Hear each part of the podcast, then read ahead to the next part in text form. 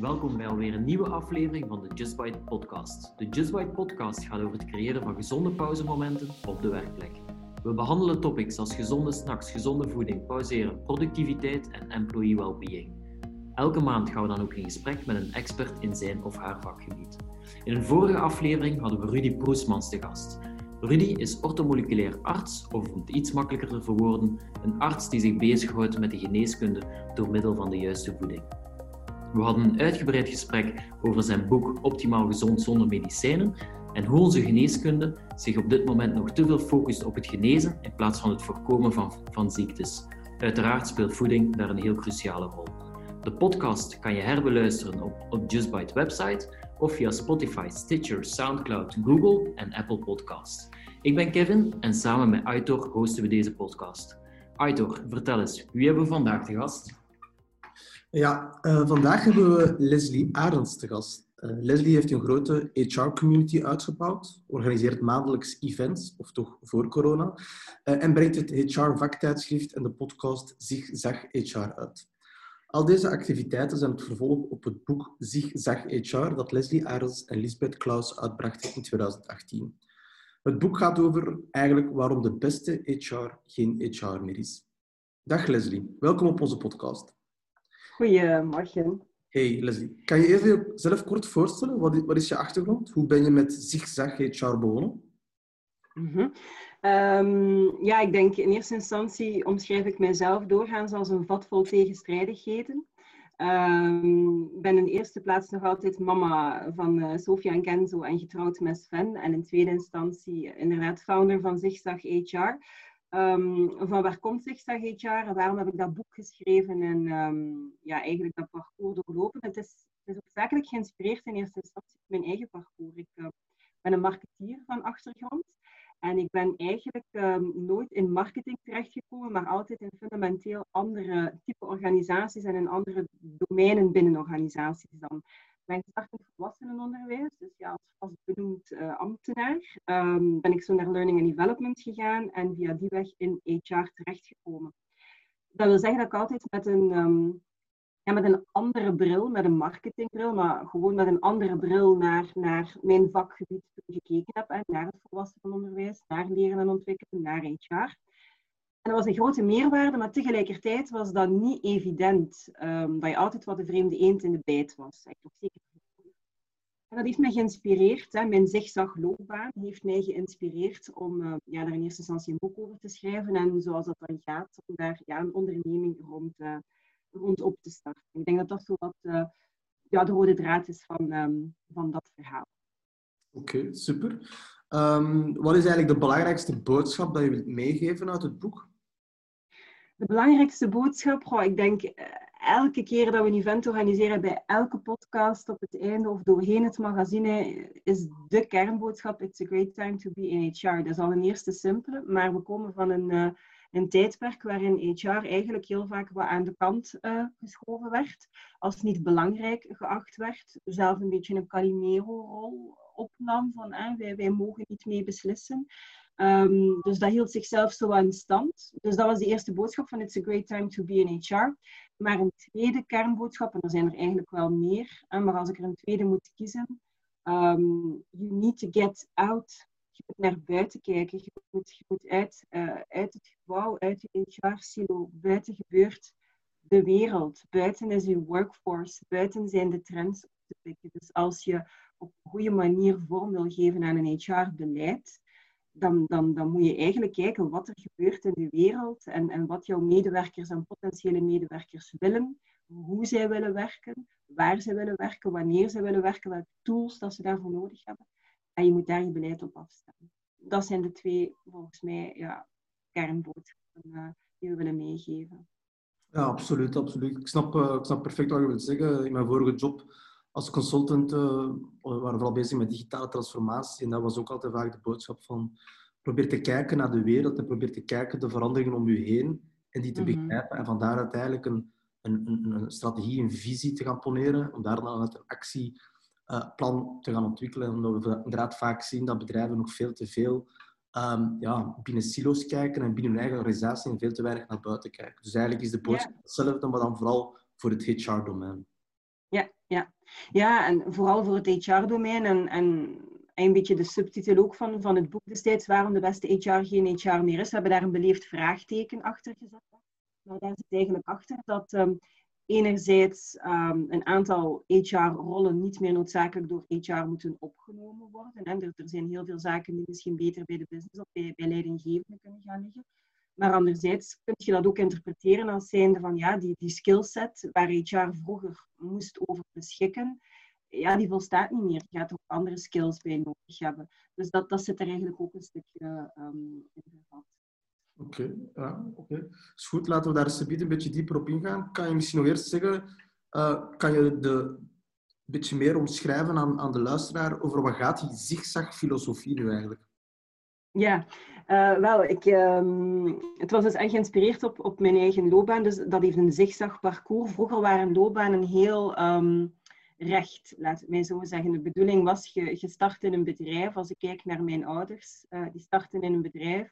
Alhoewel dat mijn ouders ondernemers waren. Als ik kijk naar mijn familie, uh, die starten in een bedrijf en die klimmen op tot pensioen en dan stopt het. Dus dat is eigenlijk één rechtlijnige parcours waarbij je doorgaans of toch vrij lang in dezelfde uh, bedrijf te werk gesteld was.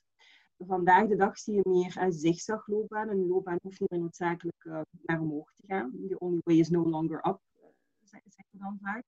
Um, maar dat gaat vaak gepaard met heel scherpe wendingen. Scherpe wendingen omdat mensen zelf andere keuzes nemen, in mindere mate. Maar vooral scherpe wendingen omdat de context maakt dat die mensen scherpe wendingen maken. Wat bedoel ik daarmee? Um, het is heel vaak door een externe trigger dat je een loopbaanwijziging neemt. Ofwel is dat een, een professionele trigger, hè, jouw, werkgever die, die jou ontslaat omdat ja, bedrijf een andere richting op gaat. Of misschien ja, nu door COVID hè, staat helaas ook voor de deur. Maar dat maakt dus dat er iemand extern is dan jezelf die voor jou beslist van kijk, dit, dit stopt. En dan moet je een andere kant uitgaan. En dat kan een totaal andere, totaal andere richting zijn. Dat kan zelfs een stap naar beneden zijn.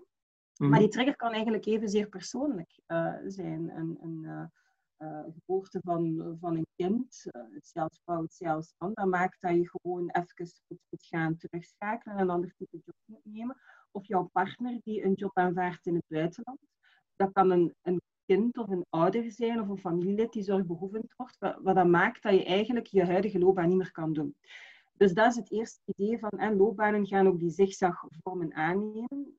HR heeft het daar heel vaak moeilijk mee. Hè. Dat is buiten de norm. Dus hè, die cv's die, die lezen minder makkelijk en stelt zich daar vragen bij. Meestal, of niet altijd, liever. En ik ben aan de slag gegaan met dat beeld van, ja, hoe kun je, hoe je dat nu, want metaforen zijn heel krachtig, hoe kun je dat nu aan de man brengen dat dat, dat, niet slecht is, zeg zeggen, maar dat dat ook goed kan zijn. En ik ben, um, ben zelf een paar jaar geleden voor het eerst gaan, gaan zeilen. Mhm. En ik vond dat een heel krachtige metafoor voor de zigzagfilosofie. Als je in een zeilschip uh, op, naar een bepaalde bestemming gaat, ja, dan moet je ook rekening houden met van waar dat de wind komt en hoe dat de stroming zit. Dus dat zijn weer die externe factoren.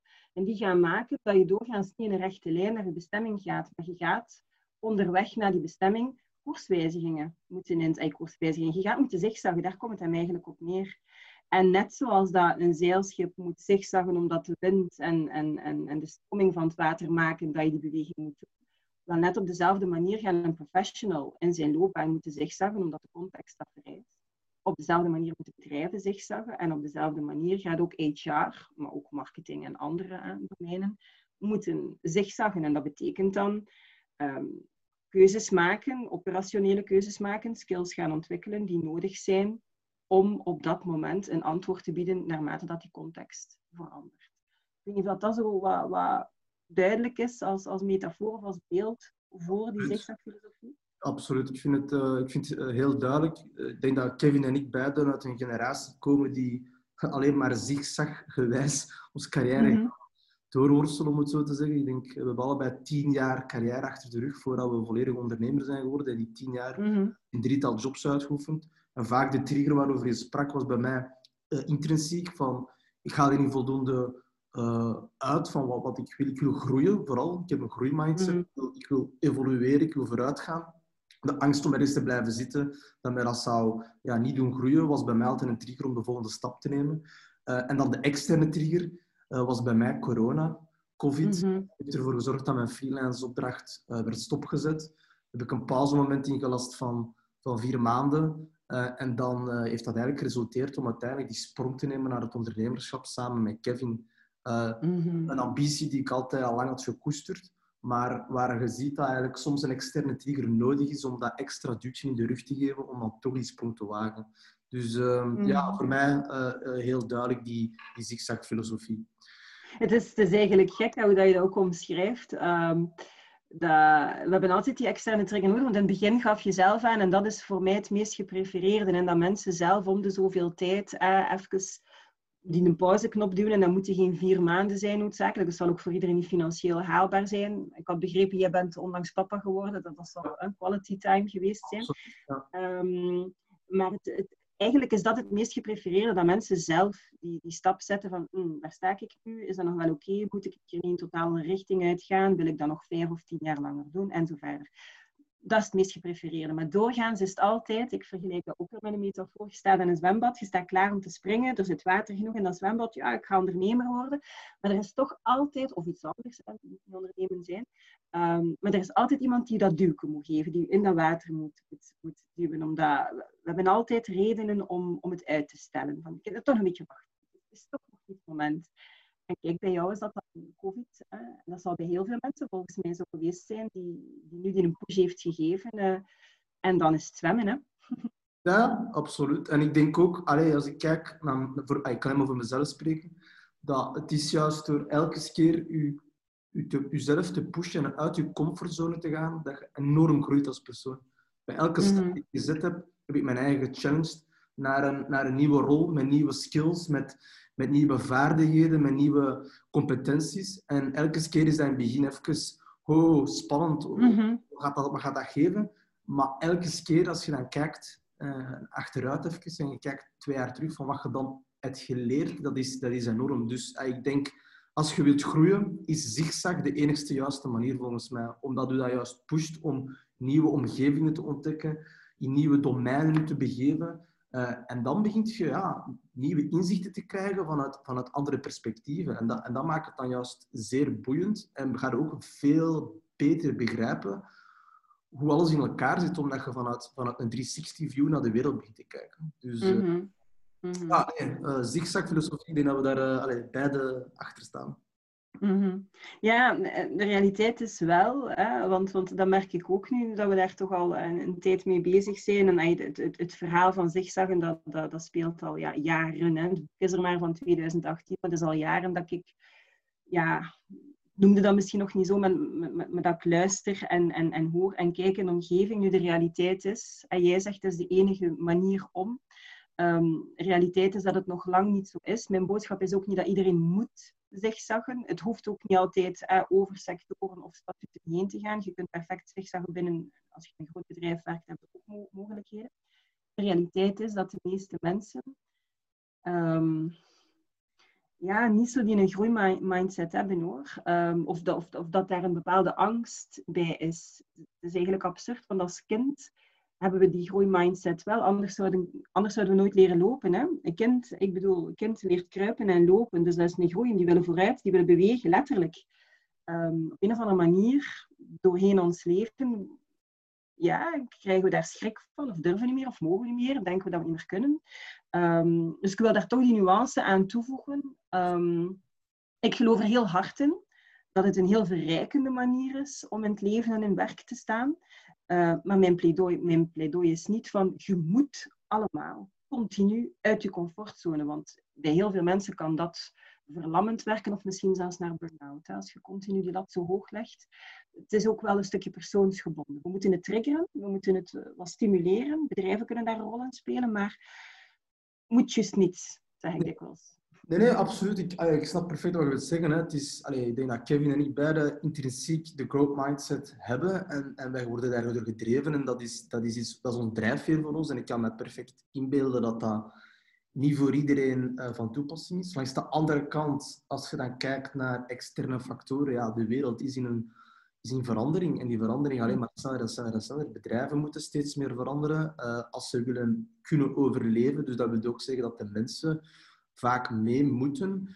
Um, hoe, wat zou je dan adviseren aan bedrijven? Van, ja, zoals je zelf aanhaalt, die growth mindset is niet voor iedereen weggelegd, terwijl je leest er ook veel over dat, dat we moeten toch evolueren naar.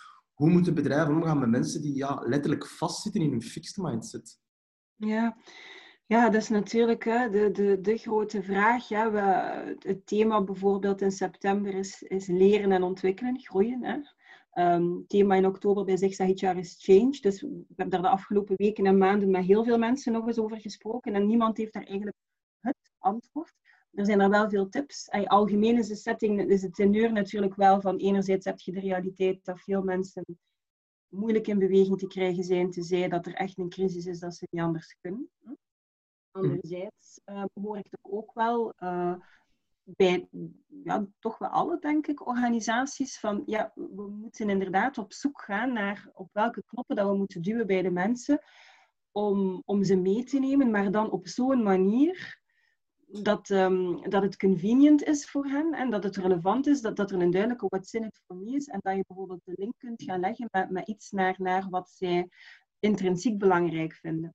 En want als we het hadden over leren bijvoorbeeld en groeien en, en dan over die growth, growth mindset, um, het is niet dat mensen niet leren en niet veranderen. We doen dat continu, maar we zijn er ons eigenlijk niet altijd van bewust. Alle generaties, alle leeftijden, als we voor onszelf iets belangrijks vinden in, in, in privé of los van het werk en we willen dat leren, dan gaan we daar heel veel tijd en energie in steken.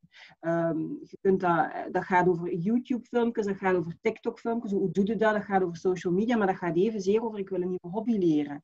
Mensen gaan tot het uiterste en zijn bereid om daar te leren, te groeien, daar heel veel tijd en energie in te steken. Dus de uitdaging is voor bedrijven op welke knoppen moeten duwen, zodanig dat we dat, de manier hoe dat mensen bereid zijn buiten het werk te leren en buiten die loopbanen te groeien, hoe kunnen we dat in dat bedrijfsleven gaan incorporeren? Hoe kunnen we, ja, op welke knoppen moet je daarvoor duwen? Um, en de technieken die je daarvoor inzet, uh, ja, in eerste instantie denk ik, moeten, moeten mensen, of toch wat ik hoor uit, uit die gesprekken, is moeten medewerkers het gevoel hebben van um, die persoon is oprecht begaan met mij. Mijn werkgever of mijn leidinggevende is oprecht begaan met mij. Die wil mij er niet pushen en duwen in het belang van, van en de cijfers en de omzet, maar die wil, die wil investeren in mij. Die wil investeren in mij als persoon en in mijn groei. Um, en hoe dat je dat doet, ja, ik zeg het, dat, dat hangt er vanaf in welke sector, in welk type bedrijf dat je, dat je zit. Ja. Zoeken op welke knoppen duwen, maar daar, daar komt het voor een stuk op neer. En wat ik zie, is dat, en dat is niet noodzakelijk... Uh, um, om de ene generatie tegen de andere uit te spelen. Maar um, de jongeren, we hebben nu gisteren toevallig de dag samengezeten met een, een twaalftal jongeren die nog maar twee jaar of drie jaar aan het werk zijn. Ja, die stappen nu in, in, in een loopbaan waar dat, dat common gaat zijn. Continu bijleren, want alles verandert zo snel. Dus voor hen gaat het nog altijd lastig zijn, maar ze zijn niet anders gewoon dan dat. Ik ben 46 ook al is er bij mij altijd verandering geweest en heb ik ze zelf opgezocht, het was toch minder snel en minder ingrijpend. En ik ben ook niet digitaal opgegroeid. Ik ben niet digitaal naar school gegaan. Dus het is moeilijker voor mensen die er niet van de eerste keer in geweest zijn. En als je dan in een bedrijf hebt gewerkt of in een sector hebt gewerkt waar je nooit bent uitgedaagd geweest omdat het niet nodig was of omdat het bedrijf niet naar buiten keek, ja, dan is het normaal dat mensen met de hielen in het zand gaan staan en zeggen, wow, digitale transformatie, pardon, veranderen, ik weet niet.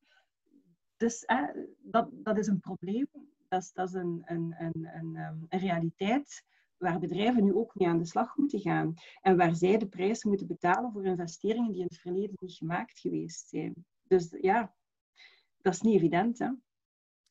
Nee, absoluut. Dat is niet, dat is niet evident. Hè. En, het is, ik denk, bedrijven moeten daar ook heel goed over nadenken. Want uiteindelijk zijn wel de generatie Y en Z, dat zijn de generaties die, die de toekomst zullen realiseren. Dus mhm. het is belangrijk dat bedrijven nu al genoeg investeren om tegemoet te komen aan die, aan die verwachtingen. Om hen mhm. enerzijds te kunnen vinden, maar ook te kunnen binden. Hè, van, van te begrijpen van, wat zijn die verwachtingen van die, van die, van die generatie Y en Z? Uh, mm heb, heb jij daar al uh, ideeën voor of, of, of, dingen die je adviseert van wat kunnen bedrijven doen om tegemoet te komen aan, aan de verwachtingen van, van deze jongere generatie? Luisteren. luisteren naar wat ze willen. Want ook dat was opvallend als we gisteren met die jongeren samen zaten. Het was, uh, was de uitreiking van de Employee Engagement Awards. Dus we hadden een jury van eh, 40ers en 50ers. En die zaten in een aparte ruimte. Niet alleen omwille van COVID, maar bewust in een aparte ruimte van de jongere jury. En er waren een, uh, een negental bedrijven die hun um, engagementverhaal hebben ja. Het is ongelooflijk hoe dat de resultaten uit elkaar lagen. Enerzijds tussen de generaties, maar mm-hmm. ook binnenin de generaties. Dus het is niet alleen een generatie-ding waar dat, dat, dat je tegen bedrijven moet zeggen en, en de millennials moet je zo doen en generatie Z, dan moet je op die knop zetten. Het blijft heel persoonlijk. Ja. Um, dus voor mij is, is luisteren een, een eerste. En luisteren, dat betekent als je in een kleine organisatie werkt met maar 30 mensen of minder, of 40 mensen, dat je echt letterlijk luistert, dat je een gesprek hebt met die mensen. Maar dat je groter wordt, kunnen technologie inzetten. Hè, maar continu luisteren. Hoe, wat willen zij? Wat vinden zij belangrijk in het leven? Vandaar ook die oproep get out. Get out wil, wil niet altijd zeggen van noodzakelijk alleen kijk naar buiten en naar de macrotrends. Maar kijk waar jongeren um, die bij jou in het bedrijf werken, wat interesseert hen, wat triggert hen en hoe kun je dat gebruiken, inzetten om hen ook binnen het bedrijf hun talent te laten ontwikkelen, zodanig dat zij groeit, maar ook zodanig dat je organisatie groeit. Ja, absoluut. absoluut. Ja, ja. ja, in van de vorige podcast hebben we gesproken met, uh, met Inge van Bellen, hè, waar, uh, waar mm -hmm. de, de awards heeft georganiseerd van Herculean Alliance. We hebben ook Anne de Bisschop over de vloer gehad, Wellbeing Consultant. Mm -hmm. En uh, ja, als we dan kijken naar levenslang leren, zal dat ook een grote impact hebben op het, op het engagement en het welbevinden van de werknemers, als ik het dan zo hoor. Um, een grote impact in de zin, het, is een must. Het is voor heel veel mensen ook een, een, een driver. Um, maar er is een verschil tussen, gelijk dat ik net zei, iedereen wil groeien in principe. Anders zouden we nooit leren lopen. En iedereen wil vooruit. Maar er is een verschil tussen opleidingen die mensen voor zichzelf relevant vinden, omdat ze die een why heel duidelijk inzien. En daar gaat een groot engagement ook voor zijn om dat te doen. En langs de andere kant zijn er nog altijd opleidingen die je moet, moet gaan doen. Um, ja, omdat, eh, om compliance redenen bijvoorbeeld, of omdat er een, een, een, nieuwe regelgeving is. En, en daar gaan mensen gewoon minder enthousiast over worden. Hè. Um, maar levenslang leren is, is een, um, we moeten een andere naam vinden in eerste instantie, is een belangrijke driver voor engagement, is een belangrijke driver voor well-being. Um, maar je moet op de juiste knoppen weten te duwen. Dat is een belangrijke. En we moeten af van dat woord moeten af van dat woord. Ja. In Duits noemt dat bildung. Dat is toch mooi, bouwen, gebouwd, gegroeid. Ge right. Duits is niet zo'n mooie taal, maar bildung is, is, is een veel mooier woord dan levenslang leren. Mijn god. Ja, dat klinkt ook als een opdracht, hè? levenslang leren. Het is een straf, levenslang opgesloten. Het klinkt als een straf, als, als, als iets van, oei, slecht. Um, we moeten daar vanaf. En, en die mindset moet, moet, moet, ja, moet, moet. Hè. De mindset, ja, we, we, moeten op zoek naar, naar, naar, naar, naar een andere ja, imago, een andere perceptie daar rond. Um, ja, we struggelen er al, denk ik. Ik struggle er al hans mijn leven mee. um, ja. Oké, okay, goed. Nu, dat, dat, levenslang leren, inderdaad, we hebben misschien nog niet aangehaald, maar dat is, wat ook niet belangrijk is, is dat dat een gedeelde verantwoordelijkheid is van, van zowel de mhm. werkgever als de werknemer. Omdat ja. heel veel werknemers die, die, in hun kot blijven zitten en wel bepaalde verwachtingen hebben, maar het is ook aan hen om naar voren te schuiven en, en open te communiceren wat zijn hun, hun doelstellingen, doelstellingen op korte en lange termijn. Waar willen ze mm -hmm. En hoe kan een bepaalde opleiding daartoe uh, toe bijdragen? Dus dat is even aan de werknemer om te zeggen van ik zou dat willen doen om die reden. En omgekeerd hetzelfde, de werkgever die ja. zaken naar voren kan schuiven, ook binnen bepaalde doelstellingen. Dus, uh, dus dat is niet onbelangrijk. Vind. Nee, zeker en vast. Dat je me absoluut uh, eens met jou. Het frappante is dat heel veel mensen dat niet weten, hè, wat ze willen. Als je vraagt wat wilt je, zeggen they don't have a clue. Omdat ze het soms afgeleerd zijn. Dus ik vind dat, ja, dat is... Um, Mhm. ontnuchterend om vast te stellen. Maar dat is ook omdat ze, men zegt dikwijls, je moet achter het stuur van je eigen loopbaan gaan zitten.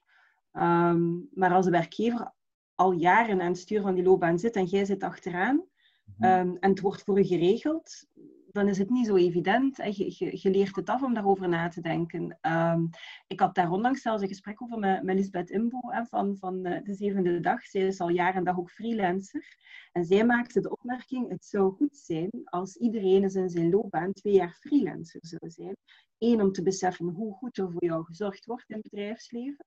Maar twee, om, om vast te stellen van, ik moet mijn loopbaan wel zelf vastpakken. Want als ik niet ga bijleren, als ik mezelf niet continu een vraag stel, ja, dan word ik niet meer gevraagd, want ik ben niet goed genoeg. Dan gaan ze een andere freelancer nemen. Dus in dat opzicht, zonder daar de boodschap te geven van freelancers, beter dan mensen die in loondienst zijn, dat is absoluut niet de key message.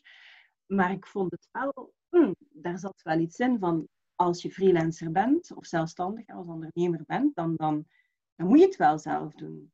Dus het zou goed zijn als mensen dat eens zouden ervaren om te beseffen van wow, ehm, ik kan dat misschien. Er komt veel bij kijken, maar wow, ik kan dat. Als het moet, kunnen we veel. Hè? Dat, dat blijkt nu ook hè, met COVID-19. Als het moet, kunnen we heel veel. Absoluut. Absoluut, dat is inderdaad zo. En ook vanuit het aspect inderdaad, als je het keer gedaan hebt, freelancer of ondernemen, dan merk je ook mm. wat een werkgever en wat erbij komt kijken om iemand, om iemand werk te geven. Ja. En mm -hmm. dat je heel veel hoort en met mensen die klagen en zagen over hun, over hun werk, maar die totaal niet doorhebben wat het overkoepelende is en wat er allemaal Absoluut. Ja. Absoluut. Ook dat is get out. Hè. Kijken van wat gebeurt er. Niet alleen je eigen vakgebied en je eigen ding, maar hoe struggelen anderen in het leven en in hun loopbaan. Hè. Ja. Ja, zo. Um, als we dan kijken, ja, de toekomst van, van werk, hè, daar wordt even over gesproken. Hè. Levenslang leren is, is, is dat, dat altijd terug naar boven komt. Um, wat zijn volgens jou de andere nieuwe uitdagingen waar HR rekening mee moet houden?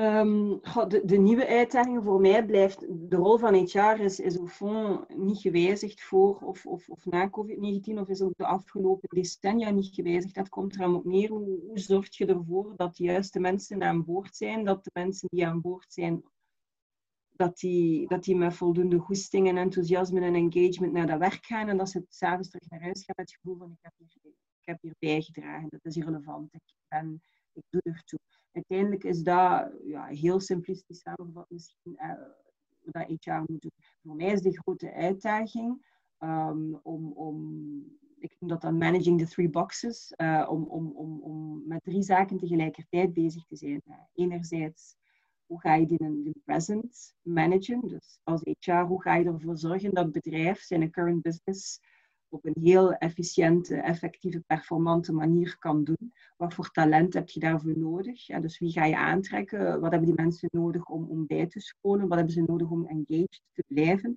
Dat is de focus op vandaag. En daar zijn de meeste bedrijven ook bijna volledig, daar steken ze bijna al hun tijd, geld en energie in. Dat is de uitdaging. Je moet eigenlijk tegelijkertijd ook al bezig zijn met morgen. Wat gaat dat bedrijf morgen nodig hebben? Kijk, het bedrijf kijkt naar buiten. Wat gebeurt er? Wat zijn de grote trends? Hoe gaan die de wereld impacteren? Hoe gaan die mijn sector impacteren? Hoe gaan die mijn bedrijf impacteren en de mensen die in dat bedrijf werken impacteren? Ja, dan is daar de uitdaging voor HR. Oké, wat voor talent gaan we dan daarvoor nodig hebben? En is er daar eventueel een gap met talent dat we nu hebben? hoe, gaan we dat gaan inplannen? Dus HR die daar een veel proactievere rol in, in opneemt al dan vroeger. Hè? Niet wachten totdat het fout loopt. Maar, hè, dat is die toekomst. En de derde box is, is de moeilijkste. Hoe, wat moet je dan loslaten? Want je hebt maar zoveel tijd, geld en energie. Dus als je 80% wilt investeren in vandaag en ja, 20% of meer in de toekomst, ja, dat wil zeggen dat je dus niet meer 100% met vandaag bezig bent. Wat moet je dan loslaten? Waar zitten ja, efficiëntiewinsten? Wat kunt je, waar kun je bijvoorbeeld technologie gaan inzetten om een aantal zaken te automatiseren of efficiënter te maken, zodanig dat er tijd, geld en energie vrijkomt om met die toekomst bezig te zijn. Dat is voor mij de uitdaging voor HR, om tegelijkertijd met vandaag en morgen bezig te zijn. Um, omdat morgen er heel veel gaat zijn. En dat is niet alleen een uitdaging voor HR, dat is ook een uitdaging in marketing, of dat is ook een uitdaging voor ondernemers. Over het heen, want het gaat over een fundamentele bedrijfswijziging van en een fundamentele vraag die elk bedrijf zich moet stellen. Wie willen wij wie we willen morgen zijn? Want inderdaad, mm -hmm. heel wat veranderingen op ons af. Okay, we praten over technologische disrupties, maatschappelijke veranderingen. Mm Corona, ja, heel de wereld verandert, consumentengedrag verandert. Businessen moeten zich eruit vinden. En inderdaad, dan, mm -hmm. dan is het over alle departementen heen moeten mee veranderen. Dat is een, een, een heel bedrijf dat van punt A naar punt B moet gaan. En dan gaat het altijd, op, als het puntje op paadje komt, uh, naar een mooie visie te gaan poneren en acties te definiëren en te gaan innoveren. In die end zijn het wel de mensen die het gaan moeten doen. Mhm. En ik denk dat HR daar een hele, hele, hele cruciale rol in, in moet spelen. Uh, maar inderdaad, misschien nog, nog te, weinig, te weinig betrokken is. Omdat ze misschien zelf ook niet altijd goed beseffen van... Ja, wat zijn die nieuwe skills dan? Of hoe, hoe, hoe werken die nieuwe bedrijven? Uh, mm. en, uh, ja, ja ik, je, hebt, je hebt eigenlijk twee soorten. Hè. Je hebt, hebt, hebt bedrijven waarvan dat we zeggen van... die zijn goed bezig, die, die, die, die gaan precies vooruit. Of dat klopt daar, of mensen blijven daar heel vaak gaan daar heel sterke bedrijfsleiders uiteraard zijn, um, maar gaan daar ook sterke HR-profielen zijn. Um, een sterk HR-profiel, daarmee bedoel ik, dat zijn mensen die, die de business ook durven uitdagen. Um, en en die, die, die genoeg, die niet alleen HR-kennis hebben, om, om het zo even te benoemen, maar die ook business acumen hebben en financial acumen hebben, die, die, ja, die, die weten wat er gebeurt in de wereld. En uh, die bedrijven en die HR-teams, die gaan vooruit gaan. Ehm, en je ziet daar nu, vind ik, toch wel al een, een, ehm, ja, een groep van bedrijven die, die binnen de context waarin dat we zitten, COVID-19 nu, die in eenzelfde sector hebben één bedrijf die heel aan, sterk aan het floreren is of die minder geïmpacteerd wordt en een ander bedrijf die, die bijna ten onder gaat. Maar ze zitten in dezelfde sector. En ze doen hetzelfde. Dus dat heeft te maken toch met het feit dat dat bedrijf en NHR en, en die, die bedrijfsleiding, dat die gewoon ja, meer geanticipeerd hebben op. Hè. Vandaar dat ik zei present en, en future, managing the present. Die, hebben eigenlijk, die hadden al een plan B klaar, 9 op 10, van wat als, wat als dit gebeurt. Um, hebben we een, plan of een, een, plan of een cultuur die toelaat om snel te reageren en, en snel met verandering om te gaan. Hè, van, de beide, ja. inderdaad. De, de, cultuur, de cultuur, maar ook uh, structuur heb, heb je toch ook wel nodig, hoor. Ja, de, de, de, de juiste cultuur, de structuur. Je hebt uiteindelijk drie zaken nodig in een bedrijf. Je hebt geld nodig, je hebt mensen nodig en je hebt een vlag nodig, strategie. Ja. Dat zijn de drie. En als iedereen weet waar dat die vlag staat en, en dat moet continu herhaald worden en, en er is voldoende cash, ook niet onbelangrijk, hè, ongeacht van waar die komt, het geld zijn. Cashflow is, is COVID-19 heeft ook dat duidelijk gemaakt, dat cashflow belangrijk is.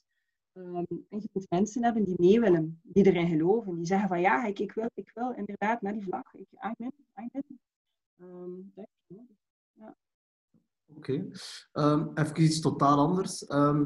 We hebben je boek gelezen en op een gegeven moment uh, gaat het over ja, informeel, uh, informeel leren. En je haalt mm -hmm. het Zweedse begrip aan, het FICA-moment. Uh, Wij kennen het, we vinden het heel leuk uiteraard. Kan je misschien even uitleggen aan de, aan de luisteraar, wat houdt het FICA-moment in en wat zijn de voordelen voor Belgische bedrijven? Ja, we wilden met FICA-moment gewoon zeggen, niet, we wilden niets anders zeggen dan weer aan die koffiemachine. Hè? Maar in de, de, Scandinavische landen is het inderdaad ingeburgerd, het FICA-moment, waar dat op een bepaald moment in de dag het werk stopgezet wordt. En, en dan gaat iedereen, het fika-moment betekent dat je een gebakje en, en, en, en, en thee, denk ik, zal het zelfs daar zijn. Volgens mij zelfs niet eens koffie of wel koffie, maakt niet uit. Maar het komt er op neer dat mensen allemaal even het werk neerleggen en informeel met elkaar gaan uitwisselen. Um, dat is iets wat je, wat je ook bij ons, het noemt hier geen fika-moment, maar ook bij ons, hè, de meeste kennis wordt uitgewisseld op informele momenten. Heel vaak wordt geleerd op informele momenten. Dus dat bedoelden we ermee in het boek. En hoe belangrijk dat is, blijkt nu heel erg door COVID-19, omdat dat weggevallen is. Ja, absoluut. Um, je, je hebt binnen de teams nog altijd wel hè, de Zoom-meetings, of, of, de, of dat je een Teams of Zoom of whatever doet. De teams gaan nog altijd proberen om die informele momenten te laten gebeuren. Um, maar een informeel moment is per definitie op de bots iemand tegenkomen aan de koffiemachine en niet inzoomen van tien tot half elf. Um, dus dat dreigt nu een beetje verloren te gaan en zeker tussen teams. Mm -hmm. um, dat, dat gaat voor mij een. ik hoor het veel, maar dat gaat ook naar mijn eigen mening een, een, een heel grote uitdaging zijn hoe dat je dat kan uh, gaan stimuleren als dat FICA-moment, of hoe je het nu ook noemt, dat het informeel uitwisselen van hoe wij de dingen hier doen en wat je weet van anderen uh, en, en, wat je nodig hebt om, om je job beter te kunnen doen. Hoe gaan we dat blijven capteren als we meer en meer van thuis uit gaan werken. Want dat is wel iets dat zal blijven. We gaan niet allemaal voor de rest van ons leven 100% thuiswerken. Maar mensen hebben wel het voordeel ondervonden van de tijdswinst door niet meer in de files te gaan staan. Dus we gaan meer thuiswerken. Hoe gaan we ervoor zorgen dat die, die knowledge die we uitwisselen op een niet-formele manier, tijdens de koffie, tijdens een fika-moment of eender wanneer, hoe gaan we dat capteren?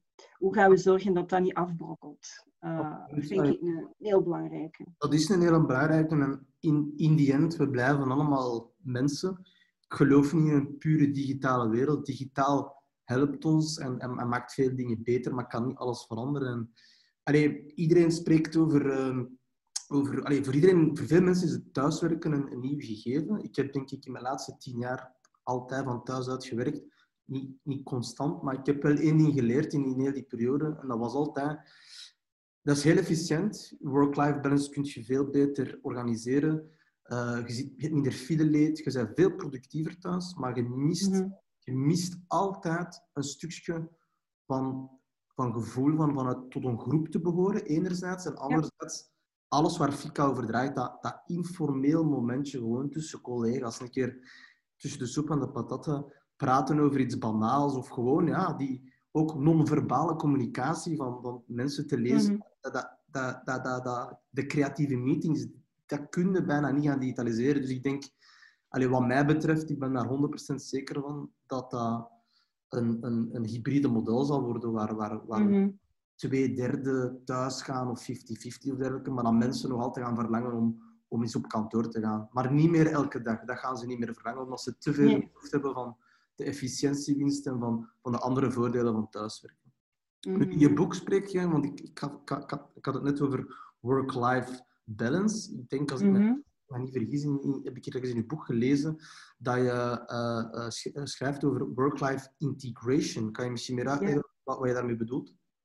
Ja, wel, dus dat, dat we we proberen eigenlijk hè, continu die balans te zoeken. Hè, van, en nu zijn we aan het werken en dan stopt dat werk en, en, en, en, en nu gaan we iets privé doen. En, maar het leven laat zich eigenlijk heel vaak niet zo organiseren.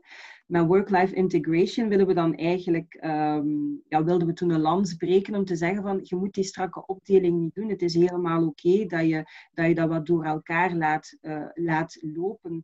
Um, met dien verstande dat um, jouw vrijheid en jouw ehm, mixen van die twee, waarmee dat ik bedoel dat je bijvoorbeeld halverwege de dag naar de tandarts gaat of zegt, ga ik je gaan manier van spreken, of hebt een afspraak, die vrijheid die je dan ehm, wil of, die je neemt uh, om werk en privé door elkaar te laten gaan, mag dan wel geen impact hebben op jouw collega's. Dus als het ertoe leidt, als ik zeg van ik werk bijvoorbeeld heel graag van vier uur s morgens tot 8 uur. En dan wil ik eigenlijk maar terugwerken om 9 uur s'avonds tot 2 uur, zeg maar eens.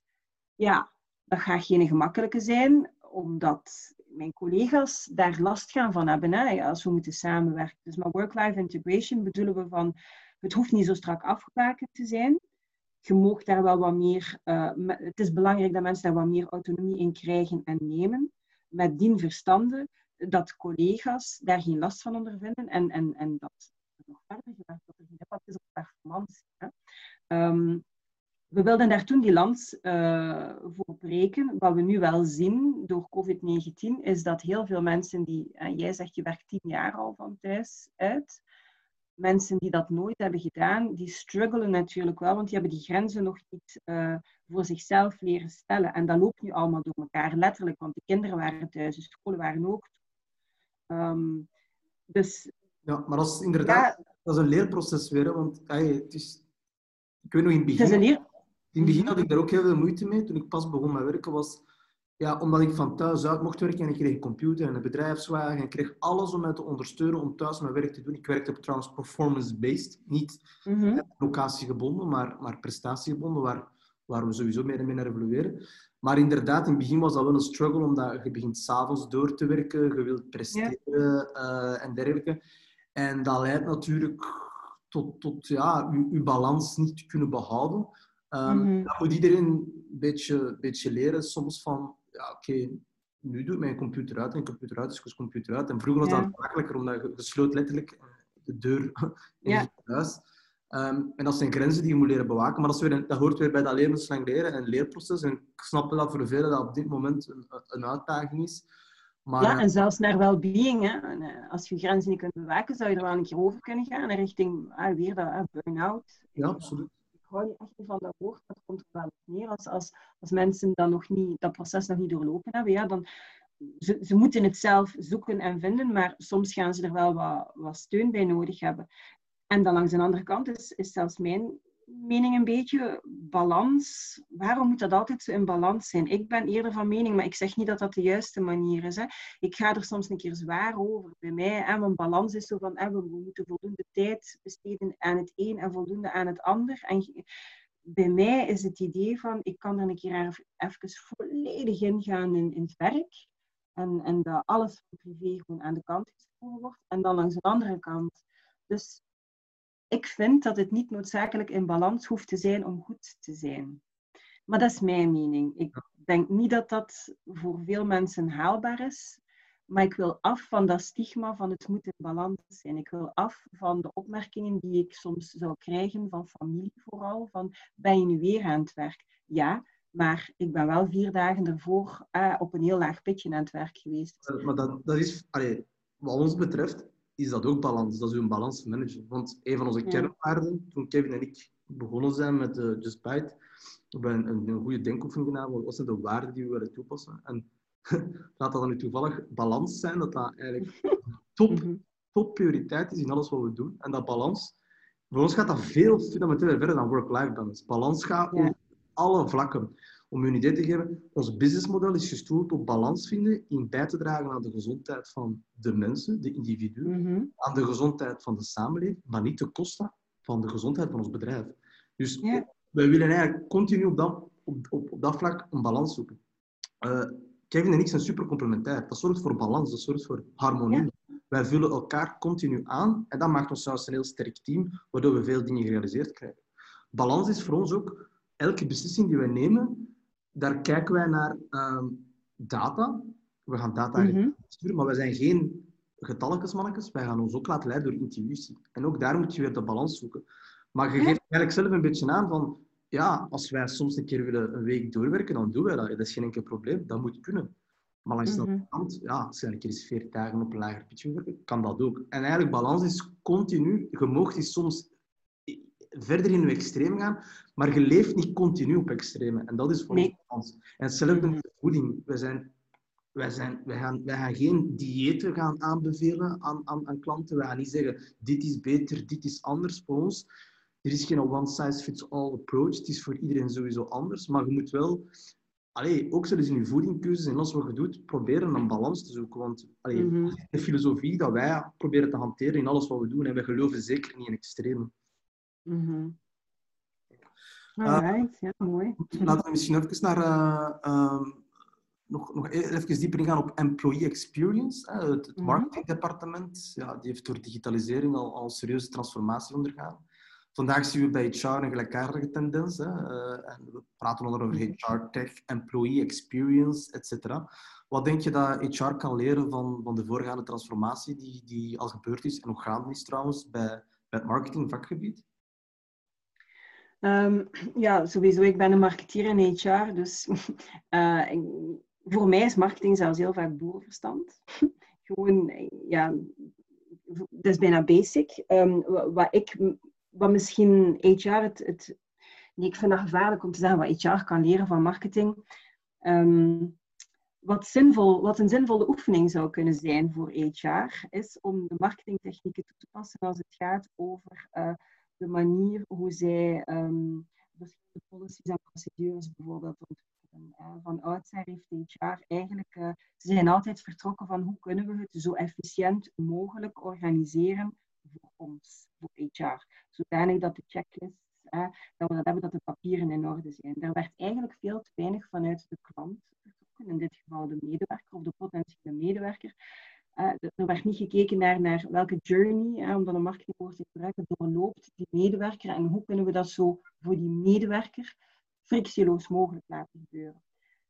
HR zou er goed aan doen en velen zijn daar ondertussen echt wel mee bezig, ook dankzij digitalisering, hebben eigenlijk echt die, die journey nu wat in kaart gebracht en gekeken vanaf het moment dat er contact is met HR, om al die, die, die, die contactpunten, die, die touchpoints, ja, in, in kaart te brengen en te kijken van, is dat nu een positieve ervaring dat die medewerker of die kandidaat-medewerker heeft of een negatieve ervaring? En waar dat het, het, het, grootste pijn zit, ja, daar moet je eerst mee aan de slag gaan. En heel vaak is een conclusie als je zo'n oefening begint te doen met een HR-team van, mai, we hebben eigenlijk vooral de convenience voor onszelf ingezet in het verleden en te weinig op de convenience van, van de medewerker, waardoor dat die eindeloos gefrustreerd raakt over papieren en, en documenten en formulieren online die die moest invullen. Ja, dus dat is volgens mij een, eh, een hele grote win die uh, eh, HR dan eh, kan meenemen vanuit marketing, hè, vertrekken vanuit de klant. Uh, in dit geval de medewerker. Zeg je? Ja, ik denk inderdaad ook dat dat een van de belangrijkste zaken is van allee, mm. marketing heeft moeten leren vertrekken vanuit de klant. Niet alleen marketing, eigenlijk het hele bedrijf moet uh, ja, van te vertrekken vanuit. Ja. Niet een departement dat daar moet werken, dat is het hele bedrijf. En ik ja, denk inderdaad dat dat voor HR hetzelfde zal zijn qua, qua allee, denken vanuit employee en daar een hele employee experience journey uh, uit gaan tekenen. En uh, wat ik ook leuk vond in je boek is, je, je praat over HR stack en ja, heel wat mm -hmm. type agile, rapid prototyping, noem maar op. En op een mhm. gegeven moment praat je ook over um, ja, behavioral economics en nudging, ja. dus gedragsverandering. Dat is een, uh, mm die mij ook uh, enorm boeit en wat we eigenlijk ook een beetje proberen toe te passen bij Just Bite. Uh, omdat we mm -hmm. uiteindelijk wat we proberen te doen is de werknemer gezonder te laten worden. En dat gaat over gedragsverandering. Nu, mm praat je over keuzearchitectuur en nudging. Kan je misschien meer uitleg geven aan de luisteraar wat dat juist inhoudt? En er is ook een één specifiek voorbeeld dat je aanhaalt in je boek. Um, misschien begrijpen wat ik bedoel. Kan je dat ook even uh, kort toelichten? Een specifiek voorbeeld uit het boek. Um, het is nu wel even geleden dat ik het gelezen ja. heb. Hè? Eh, of geschreven heb en gelezen heb. Ik zal, ik zal het anders de tip geven. Je, je praat over gezonde voeding uh, en over keuzearchitectuur. Nudging. Ja. ja, waarschijnlijk ja, ja, gezonde voeding eigenlijk. Um, dus wat, wat, we, wat we eigenlijk, en behavioral economics gaat eigenlijk stapt af van, van de redenering en dat, dat mensen als rationele wezens keuzes nemen. Wij doen dat niet. Wij doen dat op basis van vooroordelen zelfs dat we hebben of uit luiheid. Um, hoe kan je bijvoorbeeld uh, vanuit HR um, ehm, mee gaan inzetten op gezonde werknemers? Door de keuzearchitectuur te gaan manipuleren, beperken en alleen maar gezonde snacks aan te bieden, of door het eigenlijk moeilijker te maken voor medewerkers om ongezond te eten. Eén voorbeeld daarvan, ik weet niet of ik dat in het boek dan had gezet, is van je kunt, um, je mocht mensen niet zeggen dit moet eten, hè, of, of ga maar één menu aanbieden, maar je gaat eigenlijk drie schotels aanbieden die alle drie gezond zijn, in plaats van dat je daarnaast ook ongezonde voeding gaat aanbieden. Dus je geeft nog altijd de keuzevrijheid, je gaat die keuzearchitectuur uh, manipuleren in de zin dat allemaal goede beslissingen zijn, gezonde beslissingen zijn. Dus je geeft mensen een duwtje in de goede richting. Een ander voorbeeld, want niet alleen bedrijven, ook co-working spaces, vind ik, zijn daar op een bepaalde manier mee bezig. Um, die hadden ook dus een, een cafetaria, een café, eigenlijk restaurant, die ook alleen maar gezonde voeding aanboden. en um, je mocht in dat restaurant zitten om gezonde voeding te eten. Als je in de frituur of, of, of, of oh ja, meer uh, iets wil halen, dan moest je op een andere plek gaan zitten, waar dat veel minder aangenaam was. Dus dat was eigenlijk ook een nudge gaan geven in de richting van als je tussen de collega's en tussen de planten en in de leuke omgeving wilt zitten, ja, dan zei je beter dat je gezond eet. Wilde je toch iets anders eten, ja, dan ga je eigenlijk op een andere plek moeten zitten. Dus, dus ze sturen mensen in het nemen van goede beslissingen. De voetstapjes die je in bedrijven ziet, die richting trap gaan, dat is ook nudging. Hè? Mensen worden eigenlijk, zonder dat ze het beseffen, geleid naar de trap, waar dat je anders het eerste dat je doet als die voetstappen er niet zijn, is kijken waar is de lift. Dat zijn allemaal kleine dingen waar HR uh, ermee voor kan zorgen dat mensen beslissingen nemen die voor hun well-being beter zijn. En dat kun je eigenlijk, ja, je kunt nudging doortrekken beyond well-being. Uh, maar dat is een, um, ja, een, een, een dat, ik vind dat het meer en meer ingang begint te vinden. En het is niet zozeer de terminologie die er zo belangrijk is, maar het gegeven dat je weet dat je door de keuzeset eh, zo aan te passen dat je mensen mee kan bewegen om juiste beslissingen voor hen te gaan nemen, zonder dat ze beperkt worden in hun vrijheid. Dat mag je niet doen. Dat, moet je helemaal niet doen. En op die manier kunnen bedrijven, spelen bedrijven toch een hele belangrijke rol in, in, de, in, het creëren van gezonde werknemers, maar uiteindelijk ook een gezonde samenleving. Want het zijn die kleine, kleine stapjes naar de goede richting die uiteindelijk leiden naar herhaling en uiteindelijk kan leiden naar, naar, naar nieuw inzicht of naar gedragsverandering. Mhm. Oké. Okay, ehm, Super. Ja, misschien nog een laatste vraagje voor jou, uh, Leslie. Is als je mm -hmm. een tip kan meegeven voor de luisteraars binnen het specifieke domein van HR, welke zou dat zijn? Een tip meegeven, Jezus. Uh, je, hebt al veel, je hebt er al veel yeah. als je niet moet concluderen, wat je zegt van ga daarmee aan de slag of kijk daarnaar. Of misschien kunnen we de vraag anders stellen. Misschien um, is, is er één bedrijf waar je naar opkijkt als je praat over je boek Zigzag HR, de filosofie, uh, mm alles wat we besproken hebben. Uh, kan je een tip geven naar, naar de luisteraar? Als er nu één mooi voorbeeld is dat jij persoonlijk vindt van ga daar eens mm -hmm. kijken, welk, welk voorbeeld zou je dan aanbevelen? Welk bedrijf ja. zou je onder de well, dat is, dat, dat, is, dat is een lastige, omdat het heel persoonlijk is. We delen in, in het magazine en ook online heel veel bedrijven waarvan dat wij vinden dat ze op een progressieve manier bezig zijn met HR. Progressief wil niet zeggen de meest innovatieve tools en tricks en technology. Progressief wil zeggen dat ze op de juiste knoppen duwen door te luisteren naar wat die medewerkers nodig hebben, die erin slagen om, om, om, om dat verhaal zo duidelijk te maken, dat employer brand zo concreet te maken en dat ook effectief te laten beleven, dat, dat de mensen daar willen blijven en dat mensen er alles aan doen om. En voor sommige domeinen um, kunnen, kunnen dat bedrijven in de retail zijn, waarvan ik vind dat ze heel sterk staan in alles wat met MVO te maken heeft. Maar als ik dan zie hoe dat ze dan omgaan met, met uh, vrijheid geven aan mensen, dan denk ik van, hm, dus is er één ultiem bedrijf die de perfectie is? Pff, ik vind dat niet. Um, het gaat erom om heel concreet je employee value proposition daar te zetten en te zorgen dat de juiste mensen aangetrokken worden. Niet iedereen moet bij dat bedrijf noodzakelijk willen gaan werken, maar de mensen, de juiste mensen, die, die, die, die, zich daar helemaal kunnen in vinden in dat verhaal en, die er alles willen aan geven. Dus uh, ja, ik kom precies altijd terug op, op als, ik, als ik tips geef van um, storytelling wordt heel sterk naar voren geschoven. Hè. Je, moet, je moet verhaal op een enthousiasmerende manier kunnen brengen als bedrijf, als HR, als ondernemer. Hè. Maar even belangrijk is, of misschien nog belangrijker is, luisteren. En daar hebben ze nu in marketing ook een mooie term voor gevonden, hè? story listening. Um, maar dat vind ik dan misschien een ultieme tip uh, om, om mee te geven.